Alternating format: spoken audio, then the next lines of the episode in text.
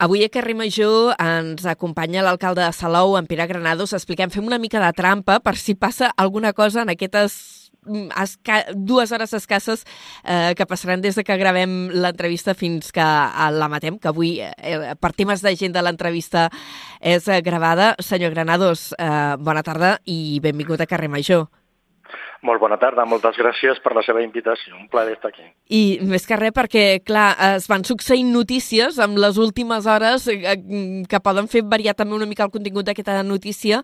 Eh, sobretot pel que fa al, al tema hard rock, eh, perquè en les darreres setmanes hem anat sentint eh, declaracions seves, en sentit fins i tot contrari, fa només unes tres setmanes arribava a demanar la demissió de, del govern, ara semblava que les últimes paraules del president Pere Aragonès la setmana passada en sessió eh, de control al Congrés eh, l'encalmaven, anaven més en la línia de, del que vostè recomana i ara mateix, avui, hem sabut que ja hi ha acord eh, de pressupostos entre, entre Esquerra i, i PSC, per tant, l'actualitat es va succeint.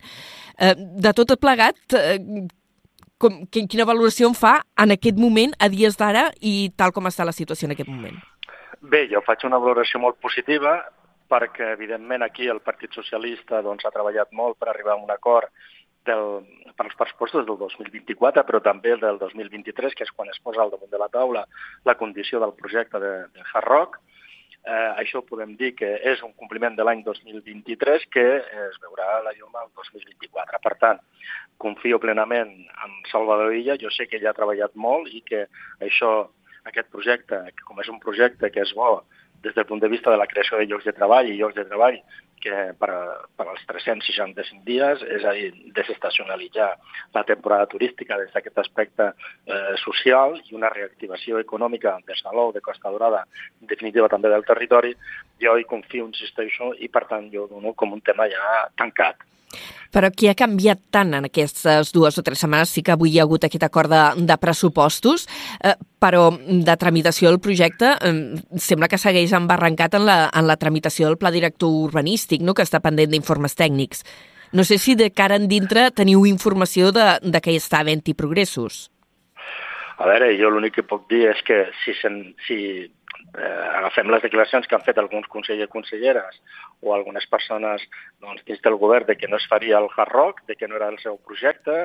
Recentment vam veure com la diputada d'aquí de Tarragona deia que això s'havia de repensar i tot això, i el president diu que no, que el projecte doncs, eh, s'aprovarà, vostè mateixa, jo crec que el president ja ha fet un desmentit de totes aquestes declaracions que han fet els altres. Per tant, hem, hem de confiar en que això serà així, si no per tota la credibilitat al president de la Generalitat de Catalunya i sobretot hem de tenir en compte que el Partit Socialista i Salvador Illa han treballat de valent perquè això sigui una realitat i per tant són condicions que per dos anys consecutius estan a nivell de pressupostos i insisteixo, la confiança és plena en la persona del Salvador Illa i per tant jo crec que això podem donar com un tema tancat. Eh?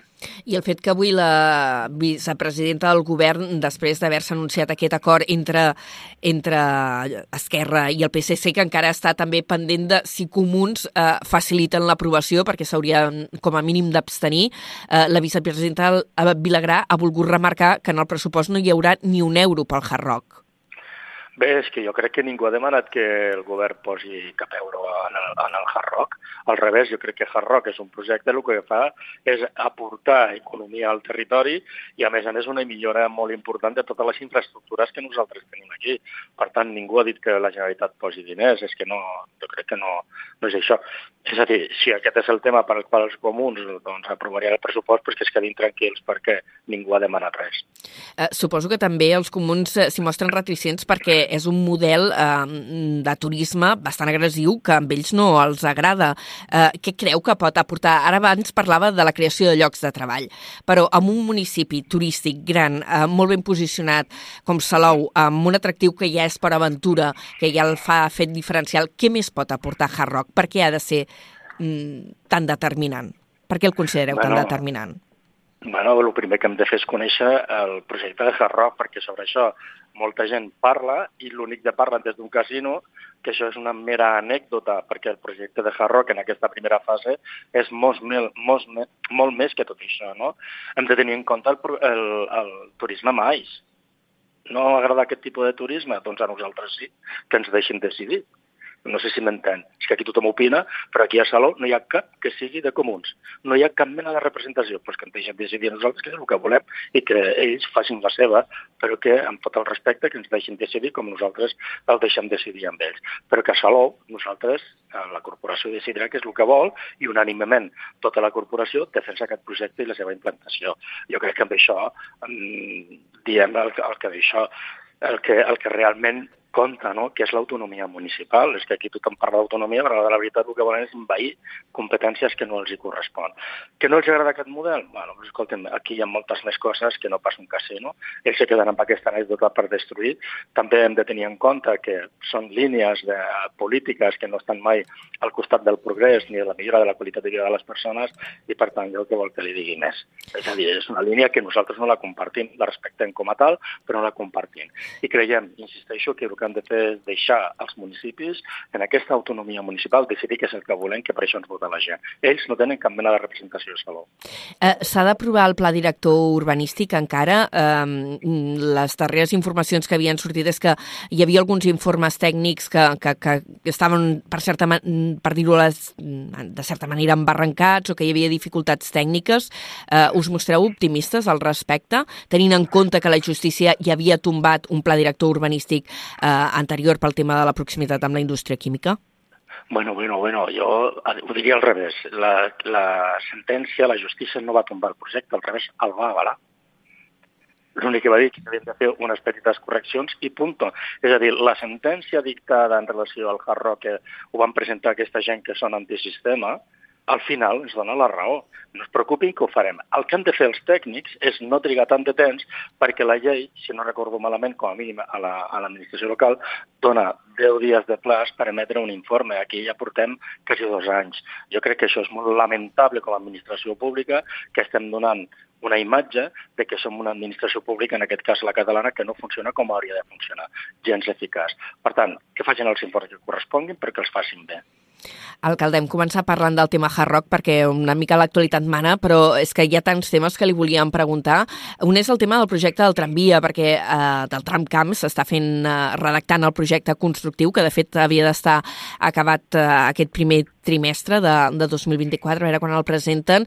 Eh, vostè havia, o des de l'Ajuntament de Salou, havien manifestat unes certes suspicàcies eh, darrerament eh, pel tema de que hi haurà catenàries, almenys en alguns trams. Eh, N'heu parlat amb el Departament de Territori? Com, com està la situació ara?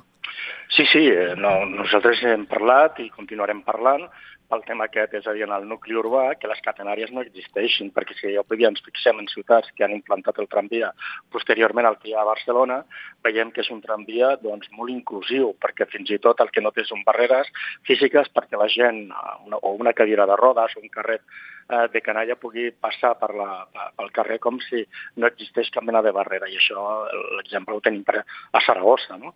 I és el que nosaltres volem, una integració total i sobretot que sigui inclusiu i respectuós amb les persones que tenen dificultat de mobilitat eh, perquè puguin passar d'un costat a l'altre sense cap mena d'impediment. I, les, I evidentment les catenàries ho són i tots els elements que es volien col·locar ho són. Per tant, estem en contacte amb ells, estem parlant amb ells i nosaltres creiem que això tindrà una solució.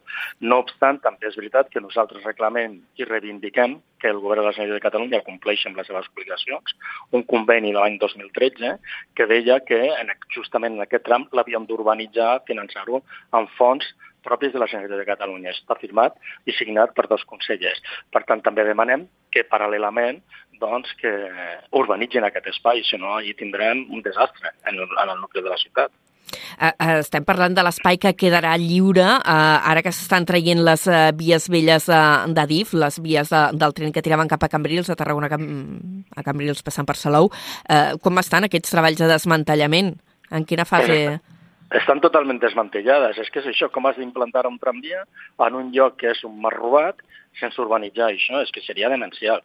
Però és que s'ha d'urbanitzar i, a més a més, amb una obligació que té la Generalitat de Catalunya d'un conveni signat el 2013 i d'un decret de l'any 1989. Per tant, és que, clar, el que estem demanant és que, és que el govern compleixi. Res més. És que no l'hauríem ni, de, ni de demanar. les vegades que nosaltres ens hem reunit amb la Generalitat, els fèiem recordar, això fa ja molt de temps. Això hauria d'estar fet els governs responsables això ho fan. Però estem parlant també del projecte de, de l'eix cívic o estem parlant d'una urbanització bàsica, no? Perquè l'Ajuntament de Salou teniu aquest eh, projecte, aquesta voluntat eh, de fer eh, una urbanització nova amb, amb un passeig llarg aprofitant aquest eh, traçat vell que ja està desmantellat de la, de la via del tren, que ara de fet teníeu obert fins fa molt poc un, un procés participatiu per recollir opinions. Eh, sí. Expliqui'm en quina sí, sí. fase ho tenim tot plegat. Sí, a veure, són dues coses diferents. Una cosa és la urbanització, que la paraula diu. Vostè quan pot construir en un lloc, en terreny, doncs el primer que ha de tenir és la urbanització, els carrers fets, el llumenat, és a dir, el que és urbanització. El bàsic. Això, això és el que està. És, bueno, vostè el diu bàsic, que veurem si és bàsic o no, és a dir, la urbanització. el projecte d'Eix Cívic, que és una gran avinguda, eh, és una avinguda en la que no volem que hi hagi doncs, eh, vehicles, que volem que estigui el tramvia, un carril bici, zones verdes, etc. És a dir, unes i també, com no, hi hauria també, aprofitaríem els terrenys, aquells que ens ho permeten, doncs per construir vivenda de protecció, habitatge de protecció oficial, és a dir, desenvolupar una política activa d'habitatge social, no podem desaprofitar els terrenys. Doncs bé, tot plegat, això és una altra fase, que és el que nosaltres tenim aquí en l'exposició pública, que ja està tancada. I ara mm. s'estan estudiant les al·legacions i en vistes a el que nosaltres vam presentar quan ens van presentar les eleccions municipals, que per cert en totes les taules dels col·legis electorals d'aquest àmbit, van guanyar, vam presentar un projecte, doncs jo crec que això democràticament ja queda avalat. No obstant, mirarem a veure aquestes al·legacions i si podem incloure alguna no hi hauria cap problema, però la idea és aquesta, és de fer una gran avinguda pensada en les persones i en la mira de la seva qualitat de vida. Sembla que també parlàveu de la possibilitat de fer un aparcament soterrat en aquest uh, espai. Sí. sí, efectivament. Estem mirant, per això és molt important d'urbanitzar, perquè així d'aquesta manera ja es podria tenir en compte quan s'implanti el tramvia que el tema de lo que són les estructures que puguin haver sota, etc etc. Mm -hmm. bueno, estem en contacte amb el, amb el departament i a, a veure si d'alguna manera ja podem arribar amb una entesa amb un acord, però han de complir, han de complir amb el finançament, és molt necessari. Perquè què us han dit fins ara? Bueno, ho estan mirant, ho estan mirant. Uh, ara que li preguntava per un aparcament, uh, el que voleu fer o projecteu fer en aquest eix cívic uh, al centre de la ciutat, uh, fa pocs dies també anunciàveu uh, la voluntat de fer un gran aparcament dissuasiu uh, fora ja del que és el nucli urbà per donar servei a la nova estació de Renfe, l'estació de Salou per Aventura. Um, clar, és que un dels problemes grossos de Salou, sobretot a l'estiu, és l'aparcament. Bueno, jo crec que el, no és un problema de Salou, sinó de moltes ciutats, no cal que sigui una, una ciutat turística. Sí que és veritat que nosaltres tenim molt de turisme que arriba amb el seu propi vehicle i el que estem fent és la creació d'aquests aparcaments dissuasoris.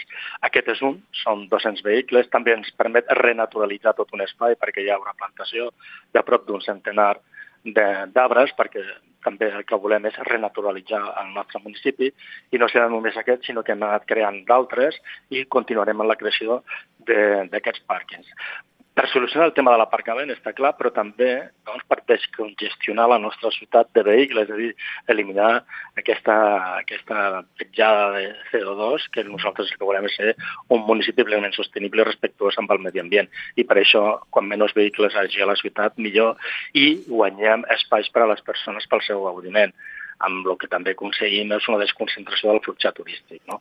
Però el tema de l'aparcament són, són dos mesos que nosaltres pensem molt en les persones i en la seva qualitat de vida. Primer en els residents i, evidentment, doncs, en els turistes que ens visiten. Si això ho guanyen tots dos. I aquest gran aparcament quan podria ser una realitat? Perquè no sé si les obres aniran en paral·lel no, a la... Aquest... Digui'm. No, no, l'aparcament de l'Eix Cívic. No, no, aquest eh, gran aparcament aquest, dissuasori... Aquest, ja està, aquest estarà, aquest últim? Sí. Perquè tenim, eh, eh, tenim un ja en el que és Pompeu Fabra, que recentment han posat en funcionament, i també ara aquest, abans de Setmana Santa, ja estarà en ple funcionament. És a dir, l'obra està acabada i ara el que es fa és plantar els arbres. I ja sé que aquesta obra, eh, l'altra obra que li preguntaré ara, em dirà això és cosa de DIF, però li volia preguntar també com estan anant les obres eh, de la nova estació de Salou per Aventura, eh, que ha de substituir el baixador que hi havia fins ara. Bé, la veritat és que vam amb un bon ritme. Nosaltres vam passar l'altre dia per allà i, i fa molt de goig, fa molta patxoca, que les coses han de dir com són, no?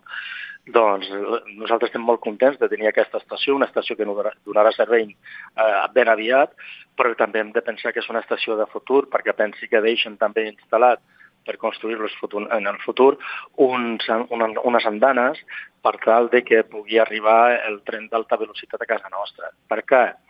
Perquè és molt senzill. De la mateixa manera que l'aeroport de Reus era una base aèria militar i s'ha transformat en un, en un aeroport civil és gràcies al turisme. Doncs de la mateixa manera que es viatja en avió, en les distàncies mitjanes i, i curtes serà el tren l'alta velocitat el que té el futur. I nosaltres creiem que hi haurà molt de moviment en quant al que seran trens charters, que ja estan funcionant per a molts eh, serveis, i que això nosaltres ho podem tenir, per tant, d'estar preparats, perquè entre Salou, que és el municipi de costa més important de, de Catalunya, PortAventura i Harroc, que serà una realitat, doncs imagines vostès el moviment de persones que hi pot haver i, per tant, hem d'apropar la persona al màxim possible al lloc on vol eh, tenia el seu destí. Val? Imaginin vostès aquest nucli turístic que estem parlant és molt, és molt important. Per tant, el tren charter funcionarà i nosaltres ja estem preparats. Uh, D'aquest tema ja en va parlar ara fa un any, quan va dir que volíem plantejar la possibilitat que arribessin trens d'alta velocitat en aquesta nova estació de Salou per Aventura. Clar, a mi se'm planteja però una dificultat tècnica, alcalde, perquè mm, aquesta estació està amb un cul de sac al final d'una línia convencional, via única, que ve de Tarragona i que no està preparada, entenc jo, pel pas de trens d'alta velocitat. Com, com connectem amb la línia de l'AVE? Pues molt senzill. Si vostè agafa el que és el plano del corredor del Mediterrani de l'any 2001, municipal de fa temps, veurà que està prevista la connexió de dos quilòmetres en el ramal que surt de Tarragona i s'incorpora a l'eix del Mediterrani, perquè encara que sigui una estació eh, tèrmino, eh, és una estació que també és part del corredor mediterrani i l'únic que necessitem és estar connectats amb l'eix central i aquests dos quilòmetres és el que ens connectaran i el que estem treballant perquè es faci l'abans possible.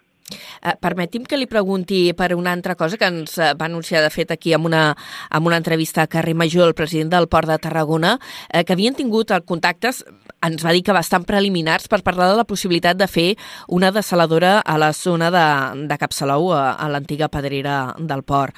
Eh, com ho veuria vostè? Nosaltres ho veiem bé, perquè jo crec que, i, i ho hem denunciat, el problema que tenim aquí a Catalunya és que no s'ha fet una política real i efectiva eh, de l'aigua i, per tant, ara hem d'anar a les desaladores de la comunitat valenciana com és segon en vaixells per, per, per tenir aigua. Això és un error. Per tant, nosaltres ho veiem bé, jo defenso això. Eh, ara, doncs han de complir tot un seguit de condicions, que jo crec que és el que estem parlant, i per tant que s'instal·li allà. Nosaltres ho veiem bé perquè és un servei que es donarà i una necessitat que tenim. És que s'hauria de fer no només aquí una, sinó que se n'hauria de fer una altra doncs, en diferents punts de costa. I, és a dir, el que és el litoral hauria de tenir diferents, diferents desaladores per abastir no només a la població, sinó fins i tot, escoltin, per què no podem fer arribar l'aigua desalada a lo que seria el pantà de Riu de Canyes i donar també servei als regants. Aneu parlant més amb el Port de Salou, perquè això ens ho... Ai, amb el Port de Salou, amb el Port de Tarragona, bueno, perquè això ens, el, ens ho van... Amb, hem parlat amb el Port de Tarragona i també amb la subdelegació del govern. No uh -huh. ens oblidem que al final és fomento, no? És a dir, els, la titularitat que tenen dels ports aquí a, a l'estat espanyol és del Ministeri.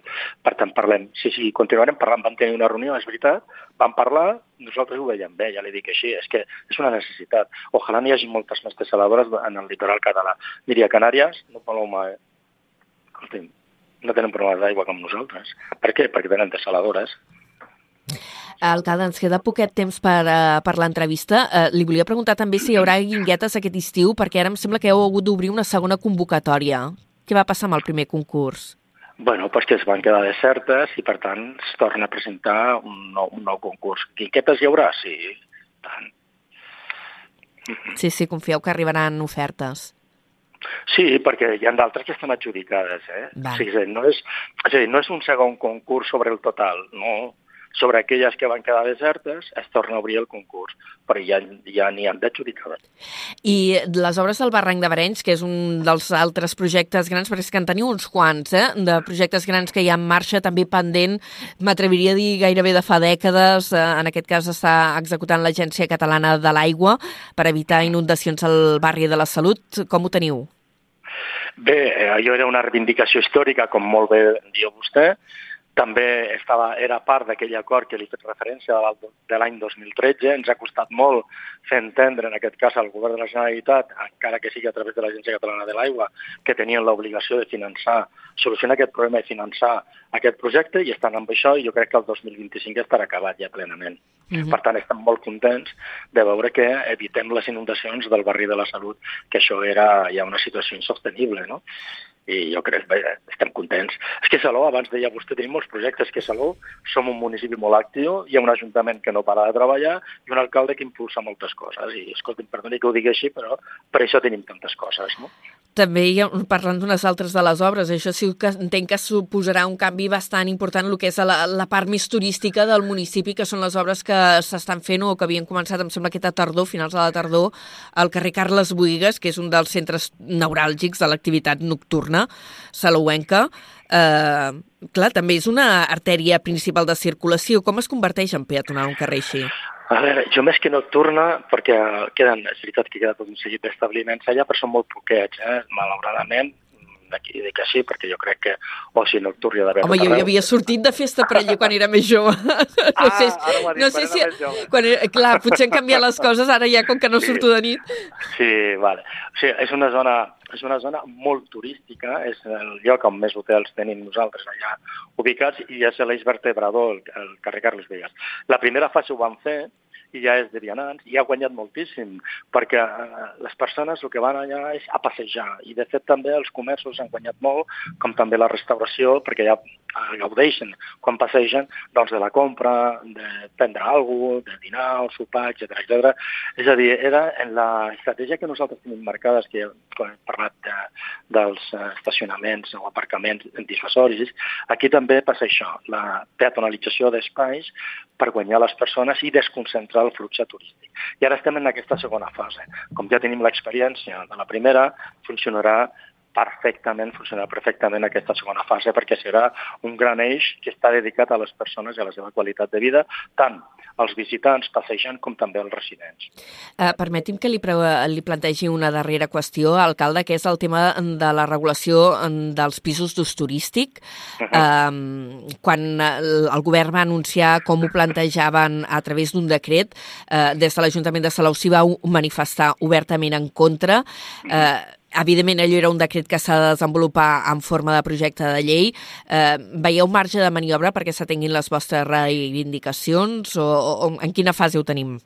Sí, sí, no, a veure, al final això el que farà en aquesta via de, de llei, de tramitació, és respectar l'autonomia municipal. És a dir, qui millor coneix la seva realitat som els municipis, no? eh, els governs municipals, i per tant nosaltres sabem quants pisos necessitem, quants no necessitem, com els volem, etc etc. El que le feia referència també amb aquella història de los comunes, no? Doncs bé, aquí passa exactament igual, i al final ha quedat que prevaleix l'autonomia municipal. És a dir, nosaltres ja sabem com regular-nos, però a més a més és que aquest decret es carregava tota una economia d'un model turístic, de gent que vol anar a l'apartament i que no vol anar a l'hotel. Escolta'm, no tothom vol estar eh, doncs, amb un menjador amb 300, 200, 400 persones, sinó que volen tenir la seva intimitat. Val? I és el que nosaltres hem procurat. Però també li diré una altra cosa. Carregar-se aquesta economia en pobles petits era demencial, perquè hi ha pobles de costa o d'interior que són municipis turístics perquè volen tenir turisme, però que no tenen infraestructura hotelera i si no el deixaven a l'apartament turístic, doncs no se la carregaven. Jo us ho dic perquè aquí vam crear, bueno, vam fomentar una plataforma sí. i, i també eh, al final es va redactar entre tots, es va redactar un, un manifest i molta gent de pobles petits m'ho va dir, diu, és que nosaltres ens hem adherit perquè entenem que és que se carregaven la nostra economia perquè no tenien infraestructura hotelera. I, per tant, jo crec que era un, un decret poc reflexionat, perquè si hagués estat reflexionat s'hagués escoltat, en aquest cas, els municipis turístics i els importants, com és, en aquest cas, eh, Salou, i tenir en compte les característiques particulars de cada municipi que no ho tenia. I el millor que hi ha en aquest cas és, escolti'm, eh, autonomia municipal, si vostès que ho decideixen. Que s'ha de regular? Sí, però no en, la forma en què ho feia el decret. S'ha de regular com s'ha d'exercir aquesta activitat de l'apartament turístic, com qualsevol altra activitat que es fa des d'una perruqueria fins a el que seria un restaurant. Això és el que han de fer.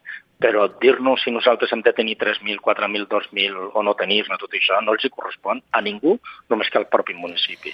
I les dificultats d'accés a l'habitatge, perquè això és un problema bastant general, alcalde, i entenc que en un municipi com Salou potser també, i més i tot. Bueno, però és que això sempre és buscar el culpable d'una cosa perquè no s'han fet els deures. Mira, la culpa no és dels turistes, el fet de que no hi hagi una política social d'habitatge real i efectiva, com jo li he dit que farem nosaltres aquí. El problema és que el govern, en aquest cas, no ha fet els deures i, per tant, no ha fet tot un parc d'habitatge com, a, com n'hi ha en altres eh, països i en altres ciutats. I això és el que solventa. No prohibir o no estigmatitzar a una economia o a un turisme. Això és un error molt greu. És enfrontar, és enfrontar les activitats, és enfrontar a les persones. El que han de fer és crear molt d'habitatge públic i de lloguer.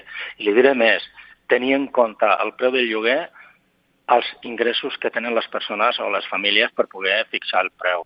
Seria adaptat als seus guanys. I això és el que ha de fer el govern. I això és el que no s'ha fet. Per tant, la culpa no és i la solució no ve per aquest tema. Alcalde, ho haurem de deixar aquí perquè sabem que vostè té l'agenda molt apretada i hem dit que avui aquesta entrevista l'hem enregistrat perquè era impossible de fer-la a l'hora del directe del programa, eh, però li agraïm moltíssim que ens hagi dedicat aquesta estona i nosaltres ara anem a fer explicar notícies. Li agraïm molt un plaer estar amb vosaltres i el dia que vulguem torno a invitar que veritablement doncs, serà un plaer de poder tenir aquesta entrevista i comunicar amb vostè i amb, i amb les persones que ens estan sentint. Jo crec que és bo també escoltar les opinions de tothom. Gràcies, alcalde. Adéu-siau. Fins la pròxima. A vostès, gràcies. Molt bona tarda.